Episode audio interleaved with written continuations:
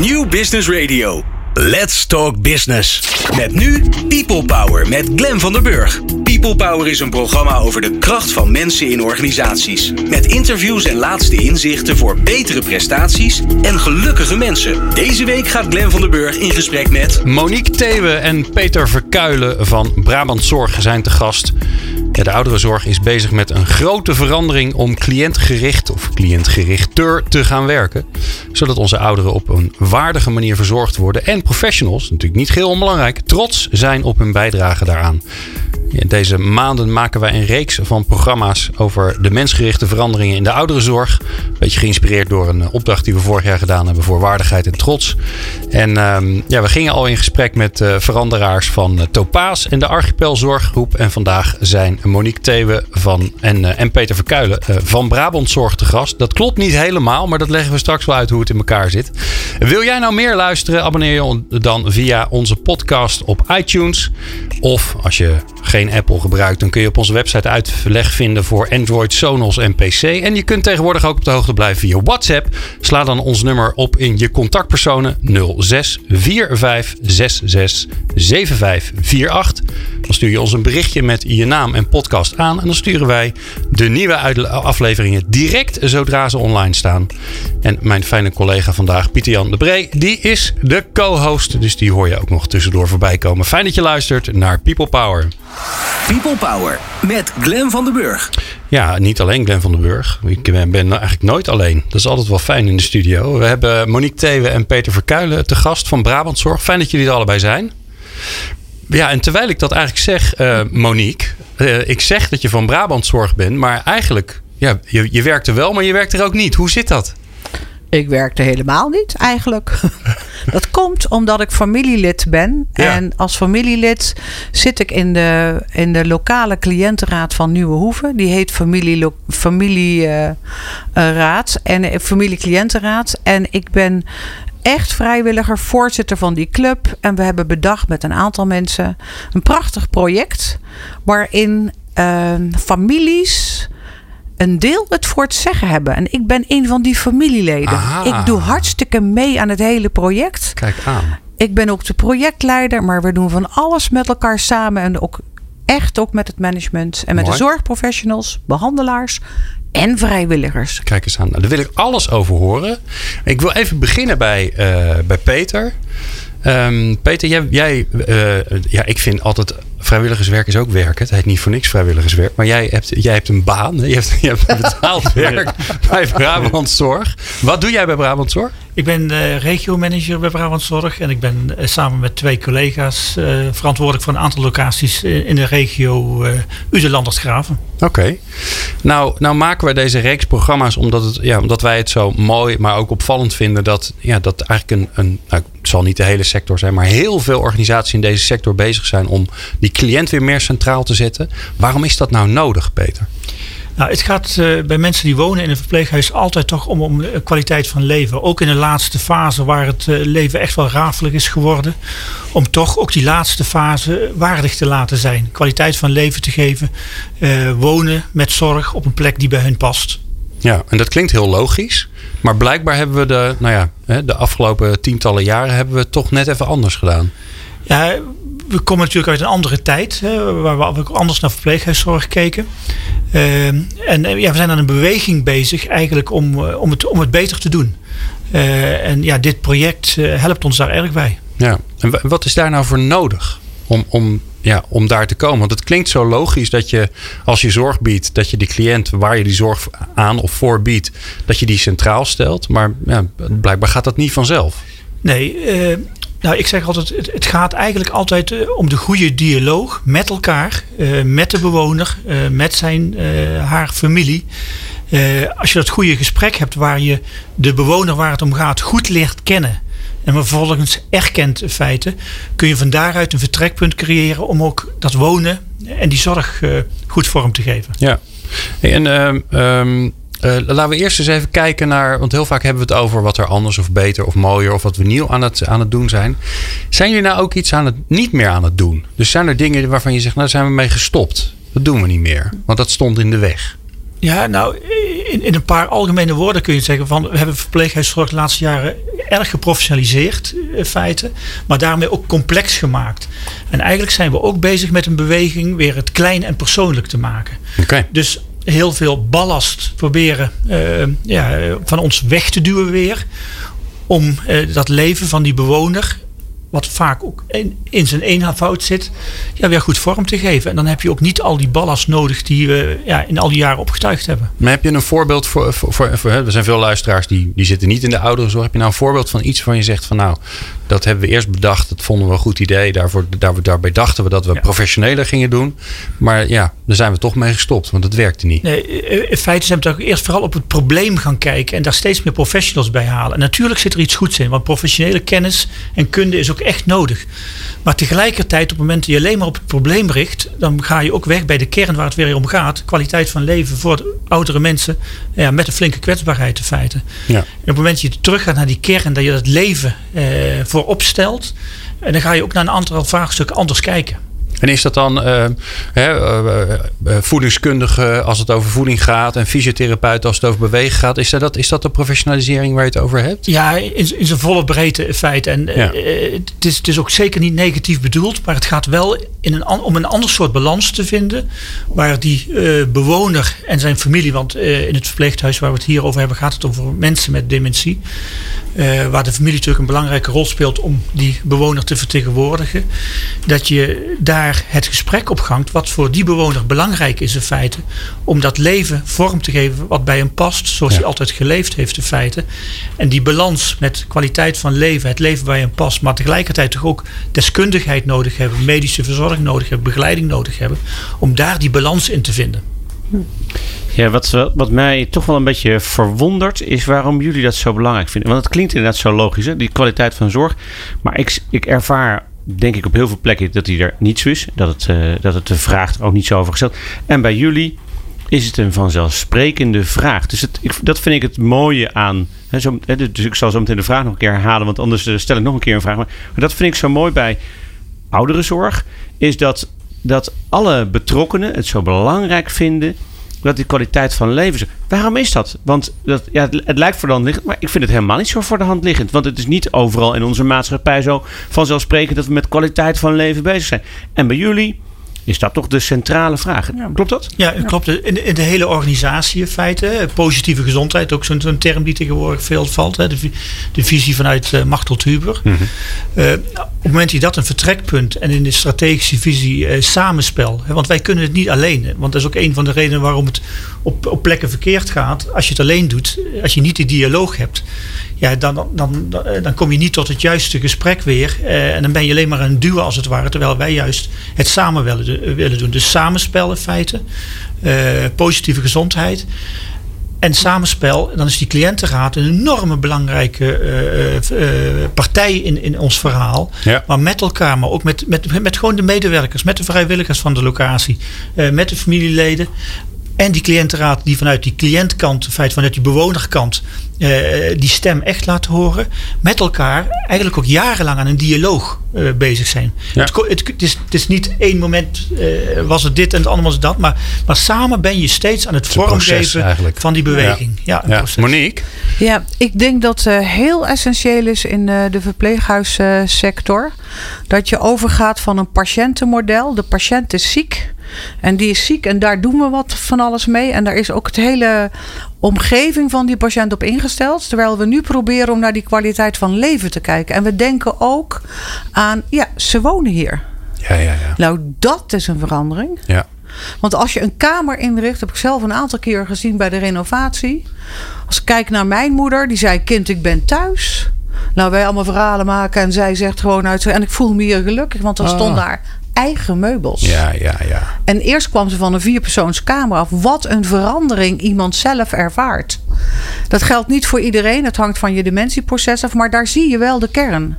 Het gaat toch om een andere benadering. Met elkaar dat neerleggen. Maar je moet dat begrijpen. Dat wat is kwaliteit van leven. Mm. En vervolgens ook kijken. Als je hier blijft wonen dat is wel essentieel. Ja. En heeft het dan ook mee te maken hè, dat uh, vroeger, uh, zeg maar, hè, de tijd dat mijn, uh, mijn opa en oma ouder werden, die gingen dan naar een verzorgingstehuis. Die waren op dat moment hadden ze nog geen, geen dementie. Hè, dus, dus die verhuisden echt. Waren daar bewust van. Dan is het ook een heftig proces, natuurlijk. Hè, want verhuizen is altijd spannend. Um, maar ze hadden nog, ze hadden nog geen uh, ze hadden nog geen de dementie. Dus ze, ze, ze, konden het nog verwerken. En dat is natuurlijk wel veranderd. Hè? Want uh, met, de, met de verandering naar de verpleeghuizen gaan mensen veel uh, blijven langer thuis. veel mensen gaan pas naar een verpleeghuis op het moment dat, nou, dat, het, dat echt de, de, de, familie het ook niet meer aan kan. En dan is die verhuizing volgens mij ook gewoon echt anders. Hmm. Toch? Ja. Dat is een groot verschil. We hebben ontdekt uh, tijdens het uh, project hoe ja, belangrijk. Je moet even, even het, wat is het project? Sorry. Het ja, project, nee, geeft niks. Het project uh, heet Samen Sterk Bewoner en Naasten. En dat gaat echt over twee dingen. Namelijk um, dat er inspraak is van iedereen om zo'n bewoner heen. En dat zijn vier partners. Dat zijn uh, familieverwanten, vrijwilligers, zorgprofessionals en behandelaren. En die gaan samen kijken naar een, uh, een bewoner, zoals het uh, bij de mensen heet die dement zijn. Mm-hmm. Maar als het gaat om, straks gaat het ook verder, dan gaat het ook om mensen die een lichamelijke beperking hebben. En ook om redenen in een verpleeghuis gaan wonen. Dus dan heb je een andere ja, ja. doelgroep, maar dat is net zo essentieel. Ja. En het tweede is uh, hoe leer je mensen om echt inspraak te hebben als je het nog niet kunt? Ja. Dat is wel als je zo'n cultuurverandering hebt, dan is die inspraak moet je soms in die generatie ook nog leren, omdat je dat niet gewend bent. Ja. En dat is wel uh, wezenlijk, want als er geen inspraak komt, dan. Uh, kom je nog niet veel verder. Nou, dat is mooi, Monique, want daar wil ik het zo met je over hebben. Want uh, we hoorden bij Peter al even langskomen. Die dialoog is zo belangrijk.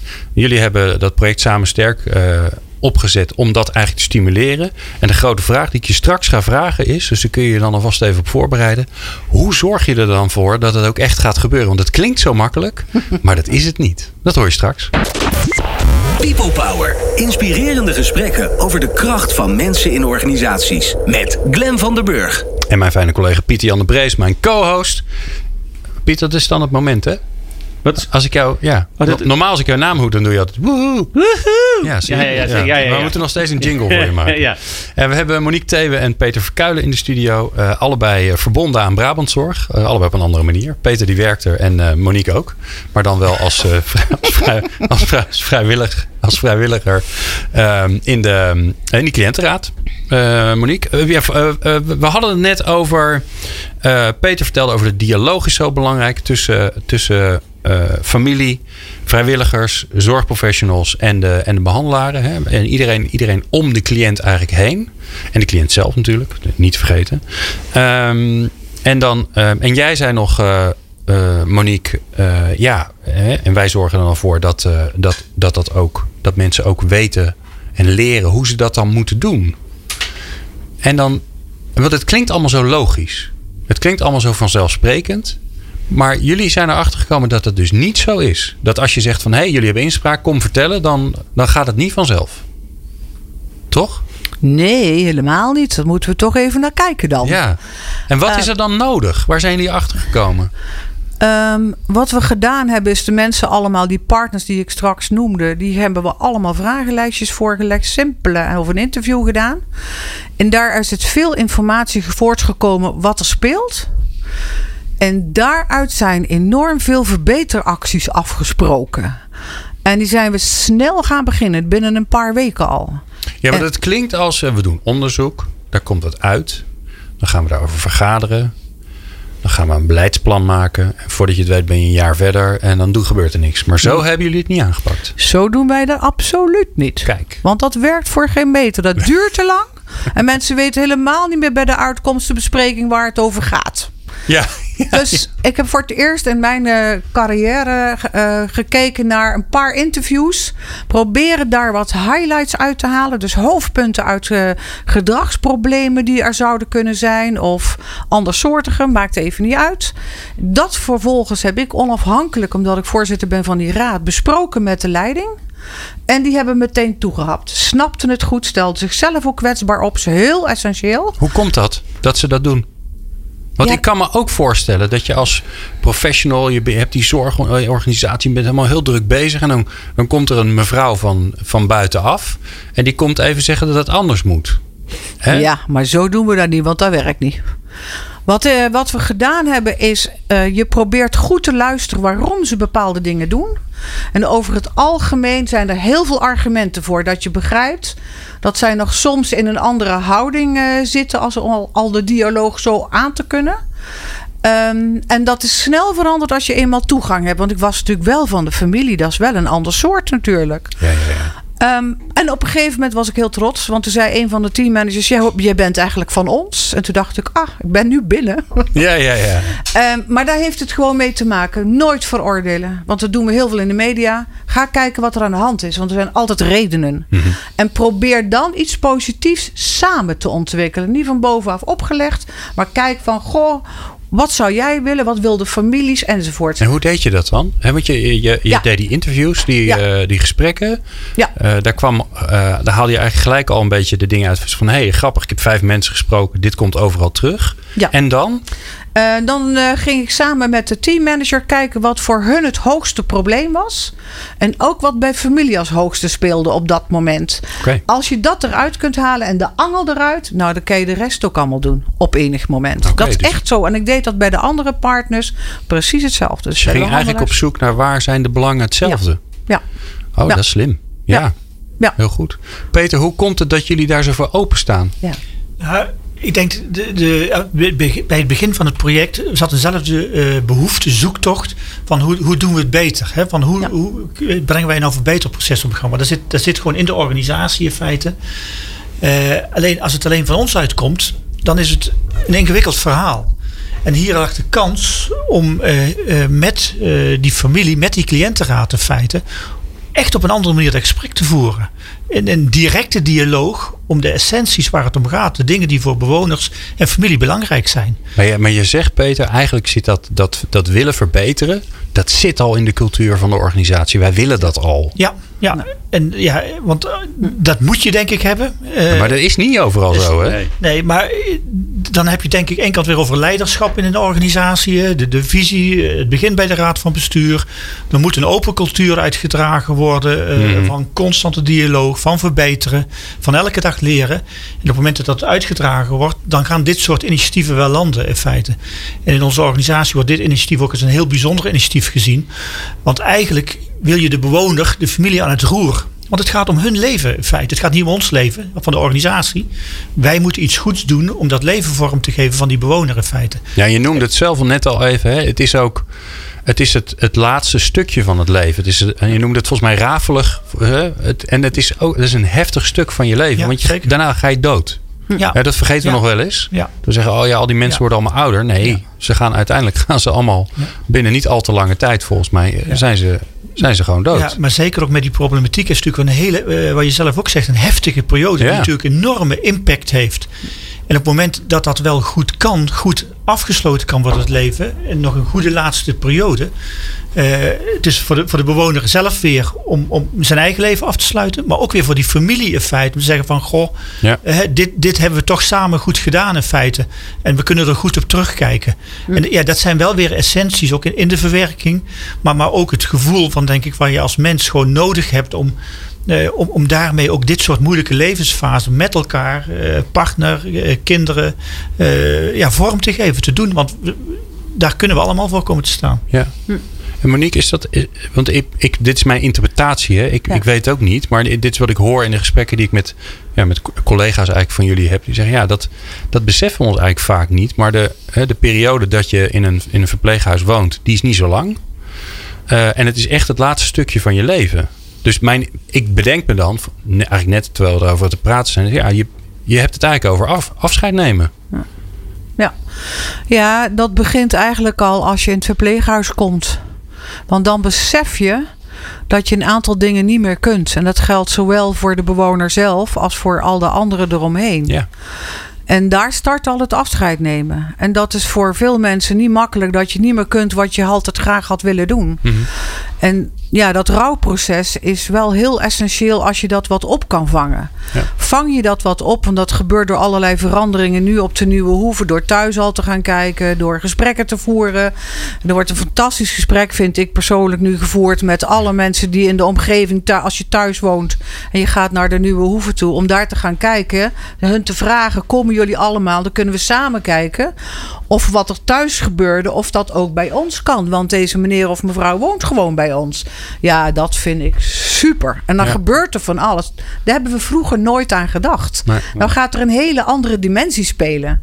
En dat vind ik echt heel mooi om dat eh, Ja. te kunnen. En ik denk een heel ander punt, even wat Peter net aangaf.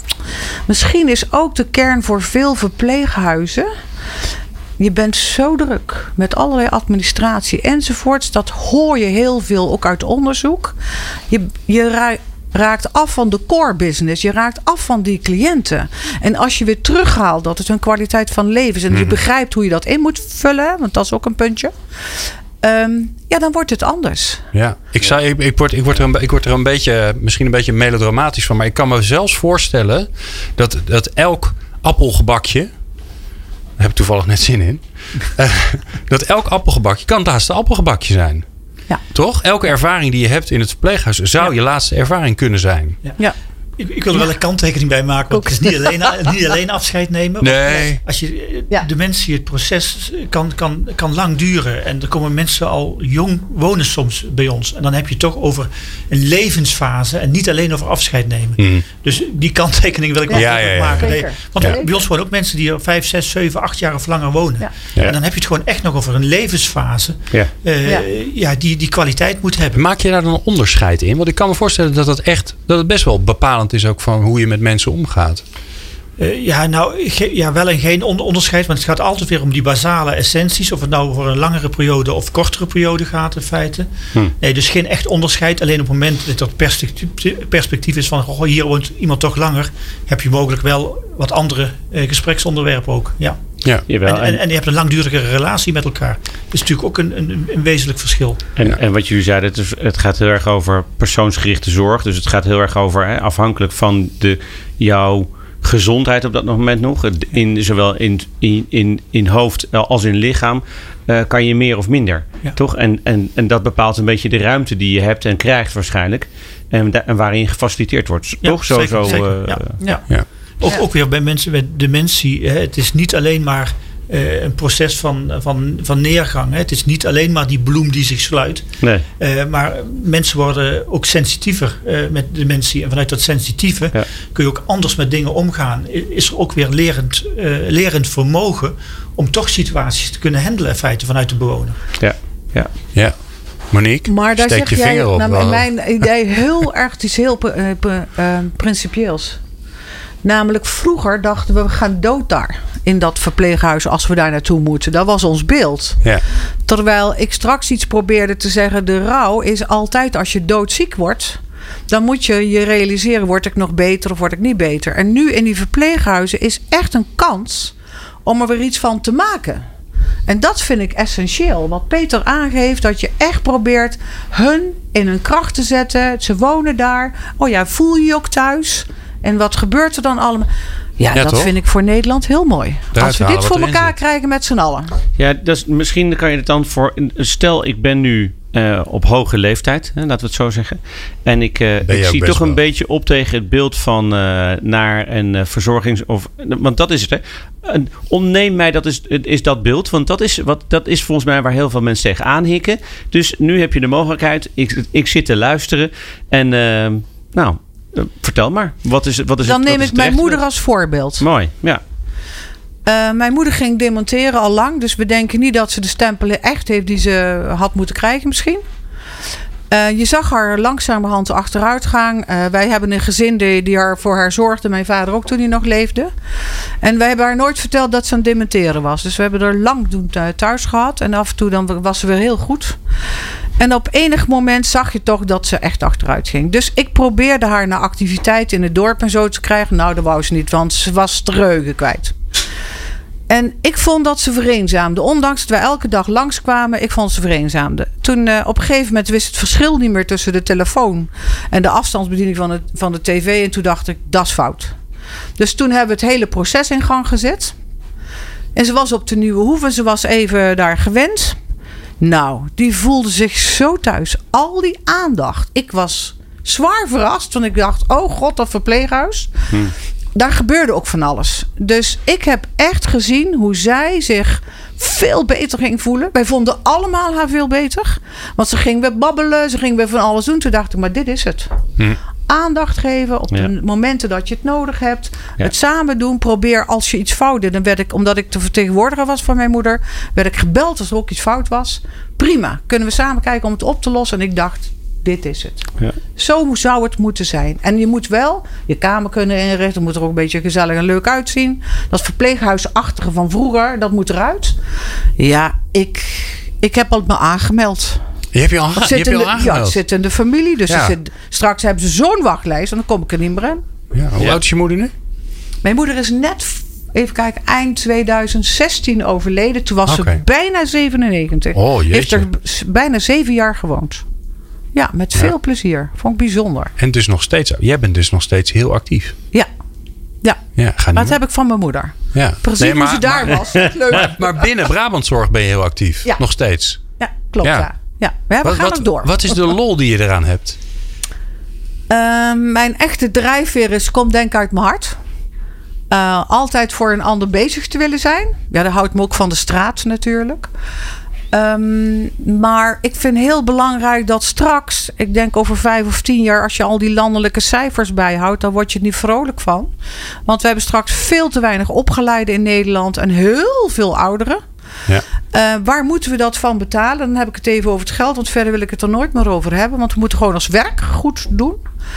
Um, en ik dacht, joh, als je dat nou eens met families doet en goed met vrijwilligers en een goede samenspel met verzorgenden en met uh, behandelaars, dan komen we veel verder. En nooit dwingen dat iemand iets moet doen, want je moet het voelen. Jij moet voelen dat het voor jouw partner of jouw vader en moeder heel goed is om daar iets mee te doen. Nou, dan krijg je ze echt. Ga maar op de nieuwe hoeven kijken. Dat is uh, schitterend. Heel mooi. Ja. Um, daar wil ik het uh, straks in het laatste blokje van deze, deze aflevering nog met jullie over hebben. Van ja, we hebben het al over gehad. De mensen bij elkaar brengen, dialoog hoe doe je dat nou en, en wat is er dan gebeurd? Dat hoor je straks. Uh, maar eerst uh, is er een, uh, een column van een, van een oude bekende. Ja, er is een column van een, van een oude en een nieuwe bekende. Wat is onze huisfilosoof. En ja, we willen hem graag introduceren. hij heet meneer Van den Burg. Wij noemen hem hier ah. meneer Van den Burg. En de vraag aan meneer Van den Burg is: wat moet je veranderen om gelukkiger te worden? Daar krijg je straks antwoord op. People Power met Glen van der Burg. Meer luisteren? people-power.nl Ja, wat moet je veranderen om gelukkiger te worden? Deze vraag stellen wij onze columnisten Meneer Van den Burg. Wat moet je veranderen? Dat is toch een beetje gek, hè? Vind je niet? ja, wel leuk. Dat is toch een beetje gek. Ja, ik had me voorgenomen dit jaar om wat, uh, wat meer inhoudelijk zelf te doen. Want als je presenteert, ja, dan stel je de vraag en doet introductietietjes. Maar dan vertel je niks. Nee. Eigenlijk. Nee. En je wil gewoon graag ook... Je bent, je bent ook zendeling natuurlijk. Ja, ja, ja. ik wil zo graag wat vertellen. Ook eens een keer... Al mag ik ook eens een keer wat vertellen. Het is een beetje de zanger die ook wel een keer gitaar wil spelen. Ja, snap Of andersom. Ja. Ja, toch? Piet, je had een vraag voor me. Ja, wat moet je veranderen om gelukkiger te worden? Ja, dat is een interessante vraag. En volgens mij een vraag waar iedereen mee bezig zou moeten zijn. Uh, maar uh, ten eerste, niet, niet heel veel mensen zijn dat. Gelukkig. Terwijl geluk is iets. Nou, nee, die zijn misschien wel gelukkig, maar die zijn niet bezig met de vraag: hoe kan ik gelukkiger worden? En het interessante daaraan is, is dat uh, gelukkiger worden is ook gewoon werken. Daar moet je je best voor doen. Daar moet je tijd en energie in stoppen. Alleen hoe je gelukkiger wordt, dat is anders dan wat veel mensen denken. Oké, en, en hoe dan? Bewuste stilte, hoorde je? Ja, ja, ja. ja. Ik dacht hoe dan? Hoe dan? Nou, kijk. Um, er is mooi onderzoek gedaan naar uh, wat nou eigenlijk het verschil maakt tussen uh, in de mate waarin mensen geluk ervaren tussen mensen. En dat zijn drie factoren. De eerste factor is aangeboren. Dat is gewoon erfelijk. Dus dat is ja, wat je meekrijgt van je paps en mans aan genen. Eén factor is situatie. Dus met wie woon je samen? In welk huis woon je? In welk land staat je huis? Hoeveel verdien je? Hoeveel eh, IQ heb je? Nou, allemaal dat soort dingen. Dus, dus eh, waar je eigenlijk eh, ja, de, de omgeving waarin je bevindt. En de derde is zelfbeïnvloedbare perceptie. Ga ik zo toelichten wat dat is. Het interessante is, de helft van ehm, het verschil in geluk is te verklaren door genen. De helft. Dus helaas, slecht nieuws. Dus de helft van je geluk.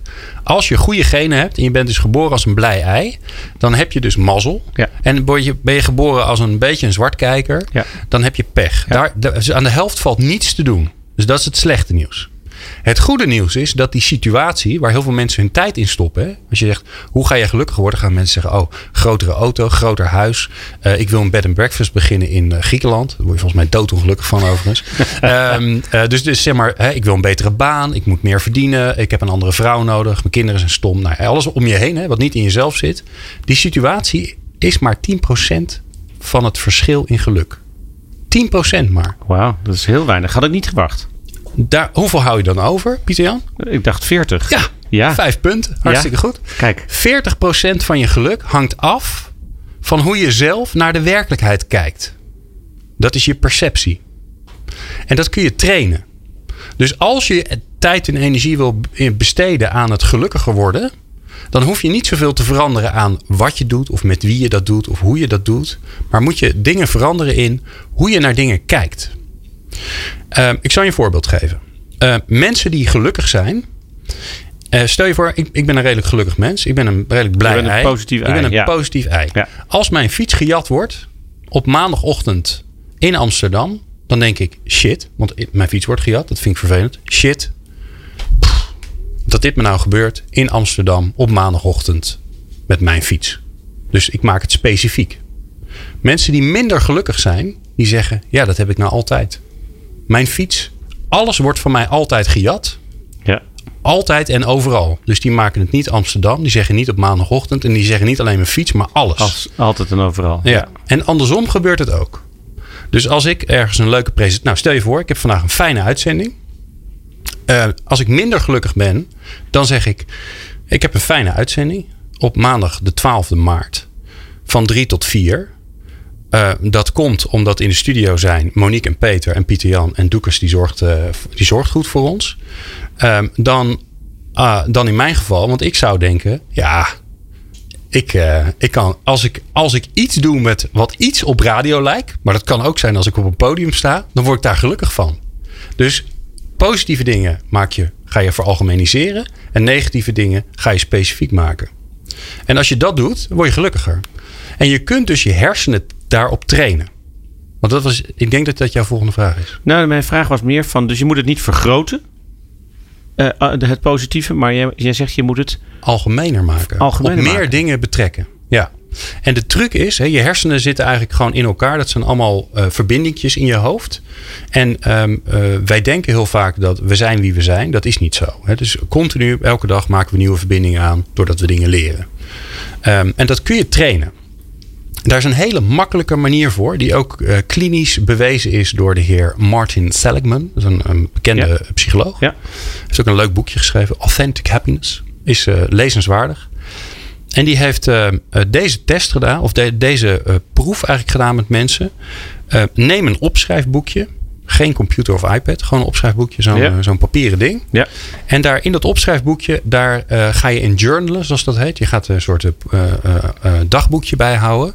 En, en gedurende drie maanden ga je elke dag drie positieve dingen opschrijven. En dat hoeft niet heel groot te zijn. Dus dat kan bijvoorbeeld zijn. Ik ging radio maken. Ik was vergeten om water te halen. En Doekes haalde water voor mij. En dat vond ik fijn. Daar ben ik dankbaar voor. Daar ben ik dankbaar voor. Ja. Ja. dus dat schrijf ik op. Maar het kan ook zijn. Ik liep naar buiten. Het regende. Maar op het moment dat ik naar buiten stapte, stopt het met regenen. Ja. En wat je gaat doen daardoor, als je dat drie maanden volhoudt, is dat je gaat nieuwe verbindingen in je hersenen maken. Eigenlijk train je je hersenen om de positieve dingen beter te zien. Ja. Mooi. En daardoor ga je alle andere de positieve dingen ook beter zien. Dus wordt- er gebeuren helemaal niet meer positieve dingen. Alleen je ziet ze beter. Dus je gaat een soort van. Je traint je hersenen ja, om het mooie van het leven te zien. En daardoor word je, gaat je geluksniveau structureel omhoog. Dus niet tijdelijk. Dat hebben ze gemeten. Gaat je, gaat je geluksniveau structureel omhoog. Drie maanden lang, elke dag, drie dingetjes opschrijven. Dat kost je dus, nou, laten we zeggen, vijf minuten per dag. Ja. Ja. Een stuk makkelijker dan eh, sparen voor die nieuwe BMW. Ja. En dan erachter komen dat je daar niet gelukkiger van wordt. Ja. Mooi. Ja, er is uh, de correspondent uh, Ernst-Jan Fout, heet hij. Die. heeft inderdaad uh, zo'n dankboek. En dat is, dat is vanuit die gedachte. Dus mensen kunnen bij ons ofwel het People Power boekje bestellen. Dan krijgen ze bij ons opgestuurd krijgen ze dat, ons dagboek. Hè, want we hebben inderdaad van die mooie boekjes. Onze gasten hebben er nu ook eentje voor, ons, voor hun liggen. En dan krijgen ze daar een opdracht bij van ons als ze dat willen. Leuk idee. En, en, um, en je kan anders het boekje, en dat is veel duurder, van Ernst-Jan Fout. maar ook heel leuk. Maar ook heel leuk. Want inderdaad, die gedachte is schrijf elke dag drie dingen op ja. waar je dankbaar voor bent. Uh, ja. Leuk, leuk Len. Ja, mooi. Nou, Meneer Van den Burg, dank ja. voor deze column. Nou, heel graag gedaan. We praten zo verder met eh, Monique Thewe en Peter Verkuilen van Brabantzorg.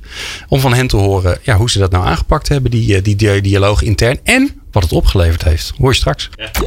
People Power. Inspirerende gesprekken over de kracht van mensen in organisaties.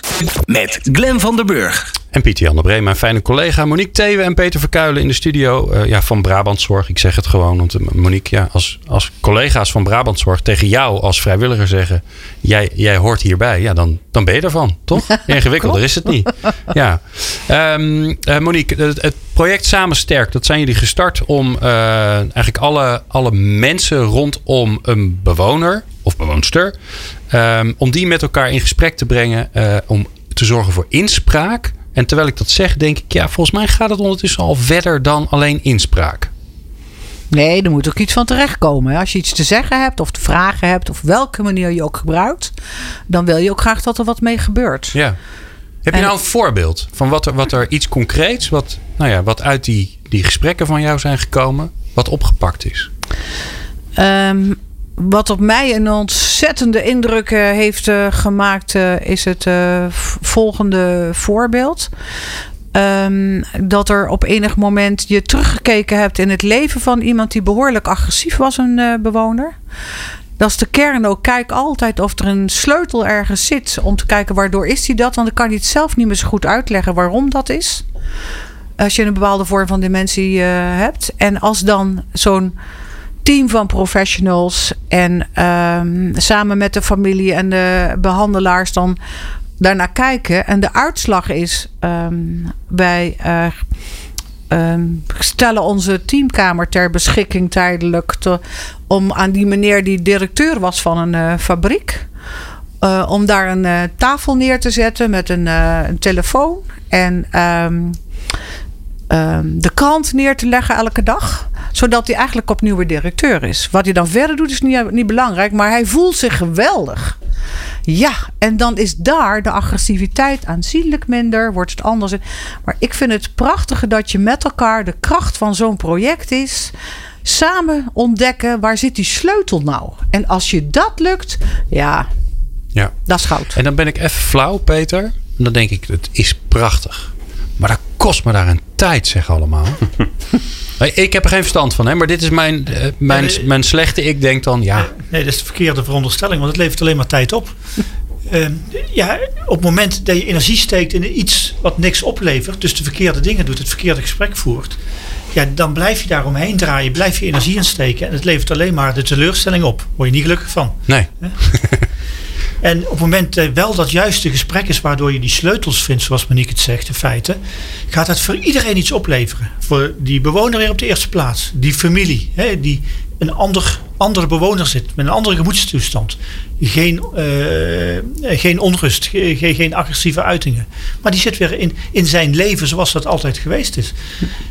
Bewoner, familie, maar ook zeker voor die medewerker en die vrijwilliger. Want daar ontstaat weer heel veel ruimte ja, want, want in, in, dit, in deze constructie, hè, de, al die mensen die, die gaan, gaan eigenlijk om, uh, ja, gaan ze er omheen staan. Ja, dat vind ik, eigenlijk wel, vind ik eigenlijk wel fijn klinken. Die gaan om die bewoners staan en zeggen: Oké, wat is nou het beste? Hoe zit die professional erin? Eh, ja, in feite ervarend leren hè, vanuit dit soort situaties. Hè, want ze doen het weer niet alleen in feite, met elkaar. En op het moment dat deze ervaringen opgedaan worden en je kijkt erop terug, hè, waarom gebeurt dit nu, eh, nu uh, ontwikkel je ook die leersleutel als het ware. Ja. En, um, en je ziet daar gewoon uh, ja, ruimte ontstaan, werkdruk wegvallen in feite. En eigenlijk Maar leg dat eens uit. Waarom valt de wer- werkdruk weg? Nou, wat ik net zei, van, van op het moment dat je in de verkeerde dingen de energie steekt, of in die spanning en eromheen gaat lopen, maar niet tot oplossingen komt, is dat continu werkdruk. Ja, ja, Dan is het ja. eigenlijk steeds je eigen frustratie of je eigen onmacht organiseren. En op het moment dat het wel lukt die sleutel te vinden, ja, dan, dan ja, je probleem is opgelost om zo te. Dan ontstaat er weer nieuwe ruimte in feite om ergens anders aandacht aan te geven. Ja. Of die relatie beter te onderhouden. Ja. Want, want die, die, die relatie tussen eh, professional en, en familie, laten we maar even zo zeggen, de, de, een cliënt, de naaste. Wat, wat, wat is het belang daarvan, Monique? Oh, dit is zo mooi, dit voorbeeld. Als je daar nog anders naar kijkt, hè, want dit is essentieel wat Peter aangeeft. Ja. Dan zie je ineens groeien tussen een zorgprofessional en familie. Want de zorgprofessional ziet hoe belangrijk die familie was. Want die mevrouw had aangegeven: mijn man is directeur van een fabriek. En misschien dat dat. En dan doe je dat dan samen. Dit is een heel mooi voorbeeld om te zien hoe essentieel zo'n partner dan is in het gesprek. Als je niet had geweten dat hij directeur was geweest van een fabriek had je dit nooit Ja. ontdekt. Ja. En dat geeft hun ook kracht, zeg maar, ook aan die zorgprofessionals. Maar hetzelfde voor familie.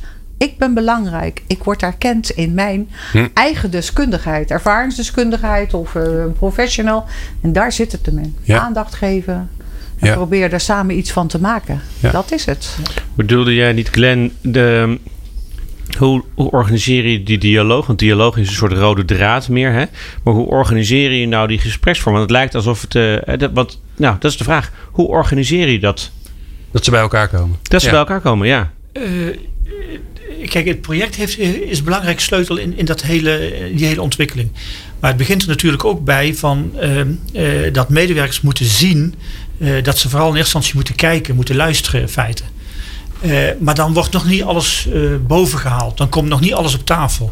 En het project heeft ons met name geholpen door die rol van die familiecoaches met name. Een vrijwilliger van de cliëntenraad die in gesprek is gaan met familie. Hoe ervaren jullie nou hier die eerste periode? En die vrijwilliger van die cliëntenraad gaf ook de veiligheid voor die familie. Eh, want het is een nieuwe wereld. Wat mag hier wel gezegd worden? Wat mag hier niet gezegd worden? Maar de veiligheid om alles te zeggen. Dat wordt eh, verder gebracht in feite. Eh, dat er ook iets met dat vraagstuk gebeurt. En een volgende keer zal de familie hopelijk wel die veiligheid Ja, ja. voelen. Om direct die dialoog met die zorgmedewerker, met die psycholoog, met die arts, met die teammanager aan te gaan. Om te zeggen van goh. Ik zit hiermee, ik, ik wil dit besproken hebben of zou dit niet anders kunnen? En dan is, eigenlijk, daar zijn we waar we met dit project willen zijn, dat die familie in zijn kracht staat, maar ook die veiligheid heeft en ervaart om, eh, ja, om, om die positie te pakken. Ja. ja, en eigenlijk organiseren jullie dus ehm, eh, op een veilige manier de eerste inspraak.